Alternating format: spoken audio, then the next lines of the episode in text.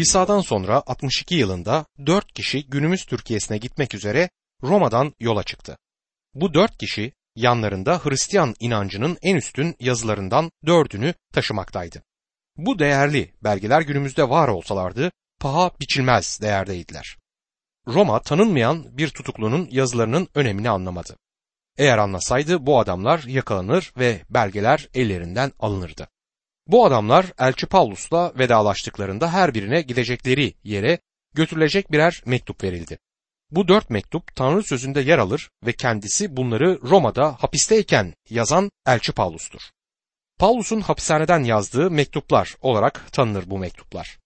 Paulus o sırada Roma imparatoru olan Nero'nun önüne çıkıp savunmasını yapmayı bekliyordu. Elçi Paulus hakkındaki kararı temiz ettirmek için imparatora başvurmuştu ve savunmasının dinlenmesini beklemekteydi. Bu dört adam ve yaşadıkları yerler şöyledir. İlk olarak Epafrodit Filipeliydi ve Filipelilere mektubu taşıyan kişidir. Filipeliler 4. bölüm 18. ayetten bunu anlarız. İkincisi Tiikus, Efesliydi ve Efeslere mektubu götürüyordu. Efesliler 6. bölüm 21. ayette bunu görüyoruz. Üçüncü kişinin ismi Epafra'ydı. Koleseliydi ve Koleselilere mektubu taşımaktaydı. Koleseliler 4. bölüm 12. ayette bunu okuruz. Dördüncüsü ise Onesimus, Kolese'den kaçmış bir köleydi ve efendisi olan Filimun'a mektubu götürüyordu. Filimun 10. ayette bunu görüyoruz. Bu mektuplar Mesih'i, kiliseyi, Hristiyan yaşamını ve hepsinin işlerliğinde birbirleriyle olan bağlantıyı bileşik bir şekilde yansıtan mektuplardır.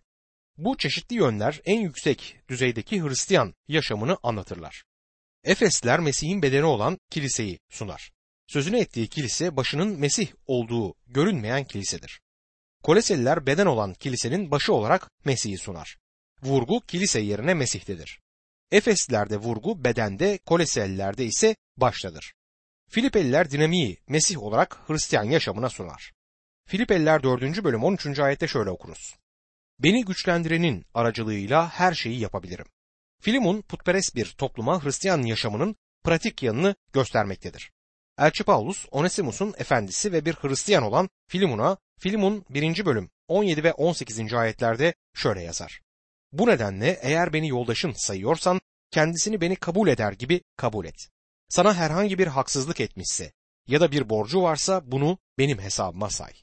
Müjde birinci yüzyılda gerçekten yaşanmaktaydı ve bu gerçekten hedefi yerine getiren bir olaydır.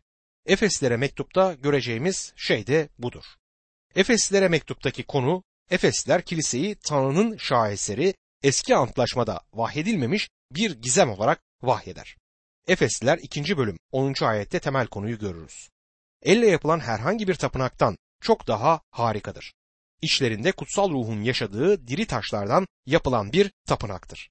Mesih'in yaşayacağı şekilde yaşayan ve şeytanın hilelerine karşı onunla güreşen Mesih'in bedeni konu edilir. Bir gün kilise dünyadan ayrılacak ve gelini olarak Mesih'e sunulacaktır. Doktor Arthur Pearson Efesler için Paulus'un cennetinin üçüncü katından söz eden mektubu demiştir. Bir başkası ona İncil'in Alp Dağları adını verir. Efesliler kutsal kitabın yüksek bir dağıdır. Bir kilise mektubudur. Birçok yorumcu onu kutsal kitaptaki gerçeklerin en yüksek noktası kutsal kitabın vahyinin doğru olarak kabul eder. Ve bu doğrudur. Bazıları Efeslerin seçilmiş olanlardan başka kimsenin onu anlayamayacağı kadar derin olduğunu bile ima etmişlerdir.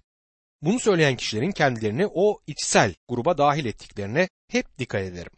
Size karşı dürüst olmam gerekirse bu mektubun derinliklerini yeterince araştırıp tartışabilmiş ya da yükseklerine çıkabilmiş gibi görünmeyeceğim. Bu mektup çok yüksek ve kuvvetli öğeleri içeren bir mektuptur. Bu mektubun yükseklerdeki havasında nefes almak zordur. Mektubun etüdüne daldığımızda bunun doğru olduğunu görürüz. Kılavuzumuz olan kutsal ruhun yardımıyla onu anlamak için elimizden geleni yapmamız gerekir.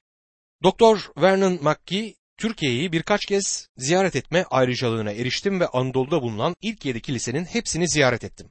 En çok Efes'te kaldım. Yedi kilisenin önde geleni olan Efes'i ziyaret fırsatının tadını çıkarttım ve gerçekten de muhteşem bir şehirmişler.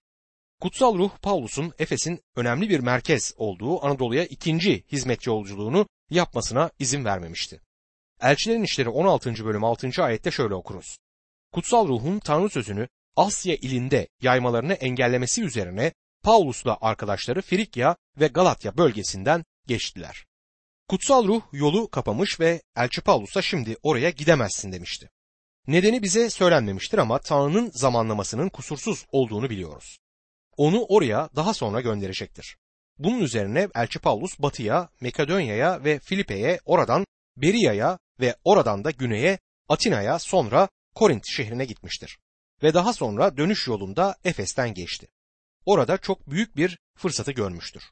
Elçilerin İşleri 18. bölüm 19. ayette Efes'e vardıkları zaman Priskilla ve Akvilla'yı orada bıraktı. Kendisi Havra'ya giderek Yahudilerle tartışmaya başladı der. Elçi Paulus hizmet için var olan fırsatlardan o denli hoşnut olup etkilenmişti ki geriye dönmeye söz verdi ve bu sözünü üçüncü hizmet yolculuğunda yerine getirdi. Kendisinin ikinci ve üçüncü hizmet yolculukları arasındaki bu zamanda oraya Apollos adlı bir başka hizmetkarın daha gitmiş olduğunu keşfetti. Apollos Rabbimiz İsa Mesih'in lütuf müjdesini değil sadece Yahya'nın vaftizini vaaz etmişti. O sırada Apollos Rab İsa'yı bilmiyordu ama daha sonra kendisi de müjdenin büyük bir vaizi olacaktır. Elçi Paulus Efes'te çok etkin bir hizmet başlattı. İki yıl boyunca Tiranus okulunda konuştu ve müjde Anadolu'nun her merkezine iletildi.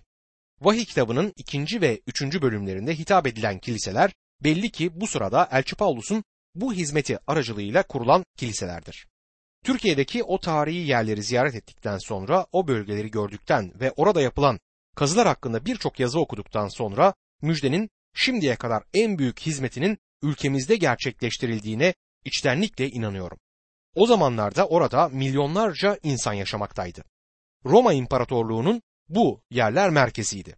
Yunan kültürü olarak Yunanistan değil Türkiye'nin batı kıyılarının her tarafı ve Efes en önde gelen kültür kentiydi. Bu bölgeler büyük bir kültür merkezi olmalarının yanında büyük bir dini merkezdi. İklim güzeldi ve ziyaret etmek için harikulade bir yerdir. Roma imparatorları dahi tatil için bu bölgeye gelirlerdi. Müjde en büyük girişimlerini bu bölgede yapmıştı. Efes Anadolu'nun ve büyük bir olasılıkla Roma İmparatorluğu'nun doğu bölümünün en önemli kentiydi. Roma'dan sonra ikinci en önemli kent Efes kentiydi. Şehir İsa'dan önce 2000 yılında Hititler tarafından kurulmuştur.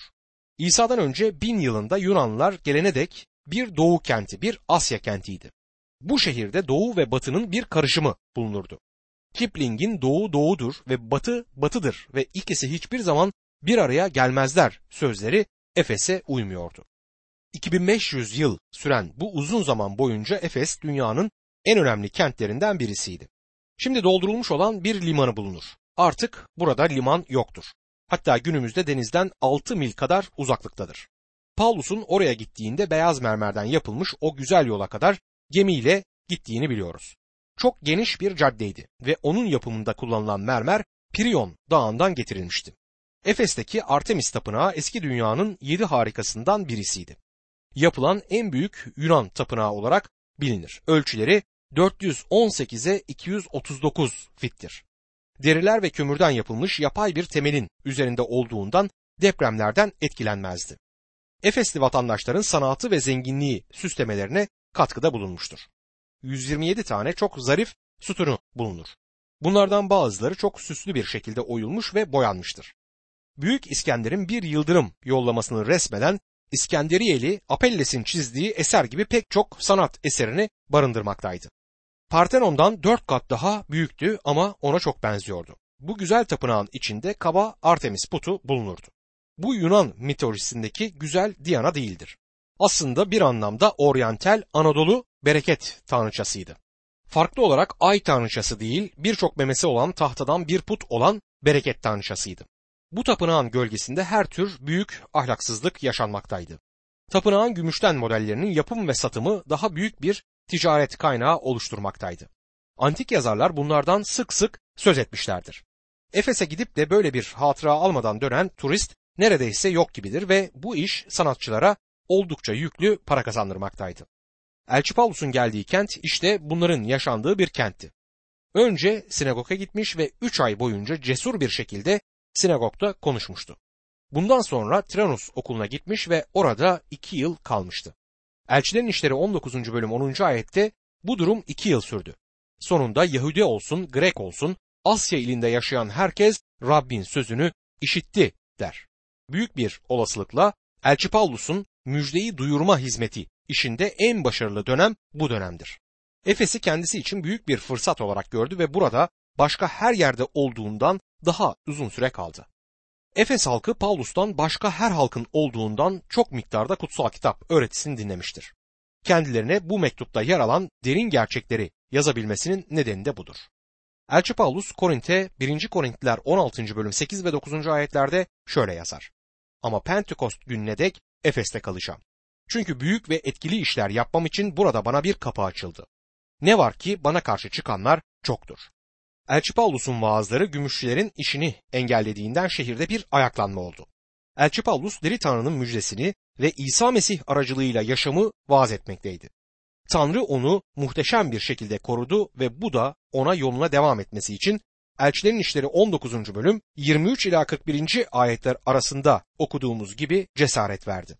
Elçi Paulus Efes'teki bu kiliseyi seviyordu. Efeslerle son toplantısı duygu dolu bir vedayı içermektedir. Elçilerin İşleri 20. bölüm 17 ila 38. ayetler bu vedayı kaydeder. Çok sayıda kişi Mesih'e iman etti. Bence müjde burada başka her yerde ve dünyanın tarihinin herhangi bir zamanında olduğundan daha fazla etkindi. Ben Efes Kilisesi'nin ruhsal bakımdan en yukarıda olan kilise olduğuna inanıyorum. O putperest kentte bu mektubu anlayan insanların olması benim için hayret vericidir. Eğer bu kişiler bu mektubu anlayacak kapasitede olmasalar Elçi Paulus onlara bu mektubu yazmazdı. Dahası vahiy kitabında Efes'i Anadolu'daki yedi kilisenin ilki ve kilise tarihinin tamamının verildiği kilise olarak görüyoruz. Efes çok iyi bir kiliseydi ve en yüksek ruhsal düzeye sahip yaşayan bir kiliseydi. Günümüzde sizler ve ben Tanrı'nın ruhunun bu Efesli imanlarda oluşturduğu yüksek düzeyi düşünemiyoruz bile. Rab İsa'nın kişiliğini çok seviyorlardı ve ona çağrılmışlardı. Uzun yıllardır vaizim ve kilisemizde hizmet etmeyi çok seviyorum ama günümüzde bizlerin Mesih'in kişiliğinden çok uzak olduğumuzu da itiraf etmem gerekir. Programlar, kilise işleri, kilisede bir rütbe gibi şeyleri o kadar çok seviyoruz ki Mesih'in kişiliğinden gitgide uzaklaşıyoruz. Gerçekten önemli olan onu ne kadar çok sevdiğimizdir. Elçi Paulus Efeslere Mesih'in kiliseyi sevip kendisini kilise için feda ettiğini söylemiştir. Bizler onun sevgisine nasıl karşılık veriyoruz? Bizler de onu bu şekilde seviyor muyuz? Önce o beni sevdiği için onu seviyorum diyebiliyor muyuz? İşte Efesliler mektubu bizleri Mesih'e yaklaştıran bir mektuptur. Eleştirmenlerin kutsal kitapta anlaşılamayacağını söylediği iki tane kitap bulunur. Bunlar Efesliler ve vahiy kitaplarıdır. Kutsal kitaptan sapan yorumcular vahiy bölümünün simgelerden oluşan bir kitap olduğunu ve onu kimsenin anlayamayacağını iddia ederler.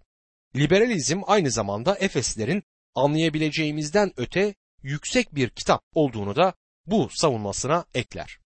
Kutsal kitabın matematik ve mantık olarak düzenlenebilecek iki kitabının Efesliler ve Vahiy olduğunu söylemek isterim. Bu ikisi diğer tüm kitaplardan daha mantıklıdır. Yıllar önce insanların kutsal kitabın içinde ne olduğunu bilmeden kutsal kitaba başından sonuna kadar inanıyorum demesinden bıkmıştım. Sadece dindar bir bildirde bulunmaktaydılar. Kişi kutsal kitabın Tanrı sözü olduğuna gerçekten inanırsa onun ne dediğini öğrenmeye çalışır. Bu noktada size şunu söylemek isterim. Kutsal kitabın ne dediğini öğrenmeye çalışmak, genç nesille nasıl iletişime geçileceği ve kiliseyi nasıl daha iyi organize edebileceğimiz konularından daha önemli bir konudur. Kutsal kitabın neleri öğrettiğini iyice öğrenmeliyiz. İnsanların kutsal kitabın nasıl bir kitap olduğunu öğrenmelerine yardımcı olacak pek çok kitap bulunur. Dr. Maggie'nin kaleme aldığı Briefing the Bible adlı bir kitap bulunur. Bu kitapta kutsal kitabın her kitabının kısa anahtarları da vardır. Bu kitap yazılırken Efesliler ve Vahi'nin ana hatlarını çıkartmanın en kolayı olduğu görülecektir. Neden biliyor musunuz? Çünkü mantıklıdırlar. Bu kitaplardaki her şeyi anlıyormuş gibi yapamayız ama onların mantıklı olduklarını ve anahtarlarının kolayca çıkarıldığını söyleyebiliriz. Elçi Paulus Efeslilerde ve Yuhanna Vahi'de mantıklı yaklaşımlar geliştirmiştir. Yuhanna'ya gördüğü, var olan ve var olacak şeyleri yazması söylenmişti. Açık bir üçe ayırma görülmektedir. Ve kitap yedilere göre düzenlenmiştir. Bundan daha iyi bir ayrım noktası bulunamazdı. Efeslere mektup da çok mantıklıdır. Altı bölümden ilk üçü kilisenin göksel çağrısı hakkında ve doktrinsel yazılardır. Son üç bölümü ise kilisenin yeryüzündeki davranışları hakkında ve pratik konular hakkında bizlere bilgi aktarır. Bu noktada anlamamız gerekir ki kilisenin bir başı vardır. Kilisenin başı Mesih'tir ve Mesih cennettedir. Bizler onunla birleştik ama kilisenin ayakları burada yeryüzündedir. Elçi Paulus bizleri göksel yerlerde oturmaya bırakmaz. Efesler 4. bölüm 1. ayetin sonunda aldığınız çağrıya yaraşır biçimde yaşamanızı rica ederim der. Yani Hristiyanın göksel yerlerde oturup Mesih'te olan konumuyla övünmesi güzeldir ama lütfen yükseklerdeki sandalyenizden kalkın ve yürümeye başlayın der. Elçi Paulus'un zamanında inanların Roma dünyasındaki putperest bir toplumda yaşadıklarını unutmamalıyız. Birinci yarı doktrinsel, ikinci yarı pratik konularla ilgilidir. Bu da kitabı gayet mantıklı bir şekilde ikiye böler. Her ikisine de ihtiyacımız var. Sadece ilk üç bölümde yaşamamız gerekir. Bunlar harikadır ama mesajın buraya yaşadığımız yere gelmesi bize bulunduğumuz yerde hitap etmesi de gerekir. Doktrinsel bölüm de çok mantıklıdır. Birinci bölümde kilise bir beden olarak gösterilirken ikinci bölümde kilise bir tapınak ve üçüncü bölümde kilise bir giz olarak bizlere sunulur. Pratik bölüme geldiğimizde dördüncü bölümde kilisenin yeni bir adam olduğunu görürüz. Kilisenin dünyada yeni bir şeyi sergilemesi gerekir. Dünyada yeni bir insan olarak yaşaması gerekir. Beşinci bölümde kilise bir gelindir. Günümüzde kilisenin gelin olduğunu düşünmeyiniz. Günümüzde kilise gelin değil. Elçi Paulus 2. Korintliler 11. bölüm 2. ayette şöyle yazar. Sizler için tanrısal bir kıskançlık duyuyorum. Çünkü sizleri el değmemiş kız gibi tek ere, Mesih'e sunmak üzere nişanladım. Sizleri bugün Mesih'e nişanlıyorum ve bir gün kilise onun gelini olacaktır demektedir.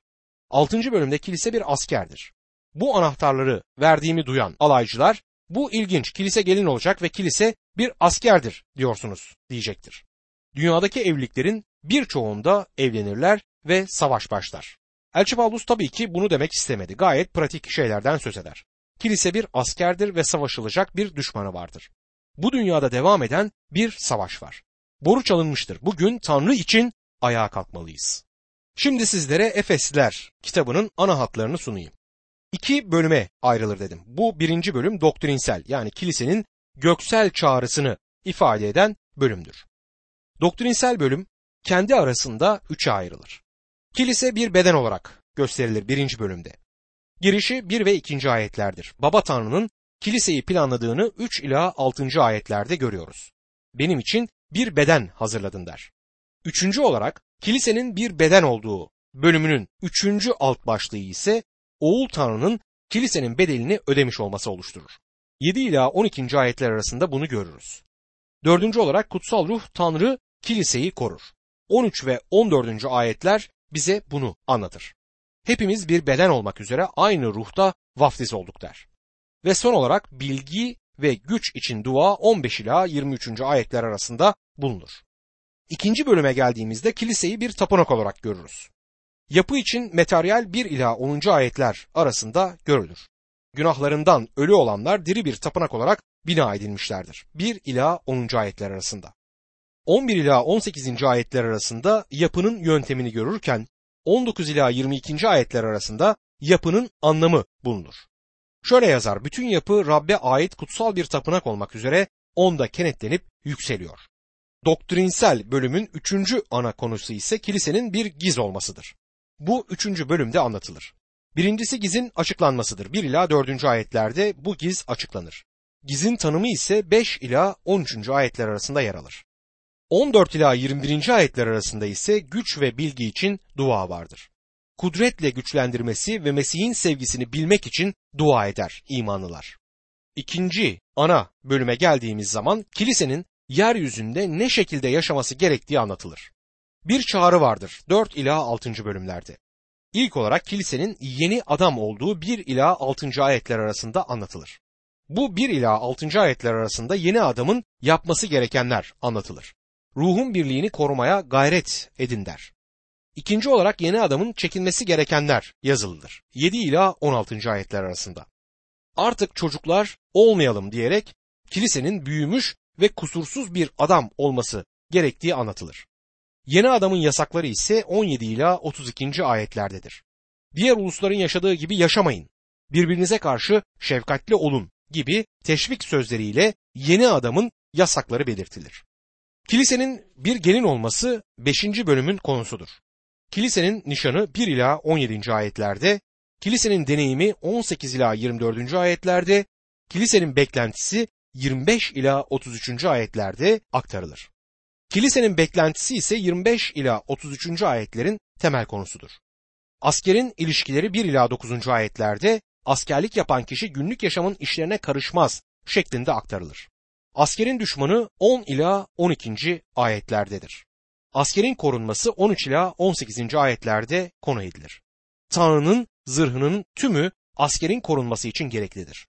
Bir asker örneği ise İsa Mesih'in iyi askeri olan Pavlus'tur. 19 ila 22. ayetler arasında Pavlus'un örneğini görürüz. Son olarak askerin kutsanmasını ise 23 ve 24. ayetlerde okuruz.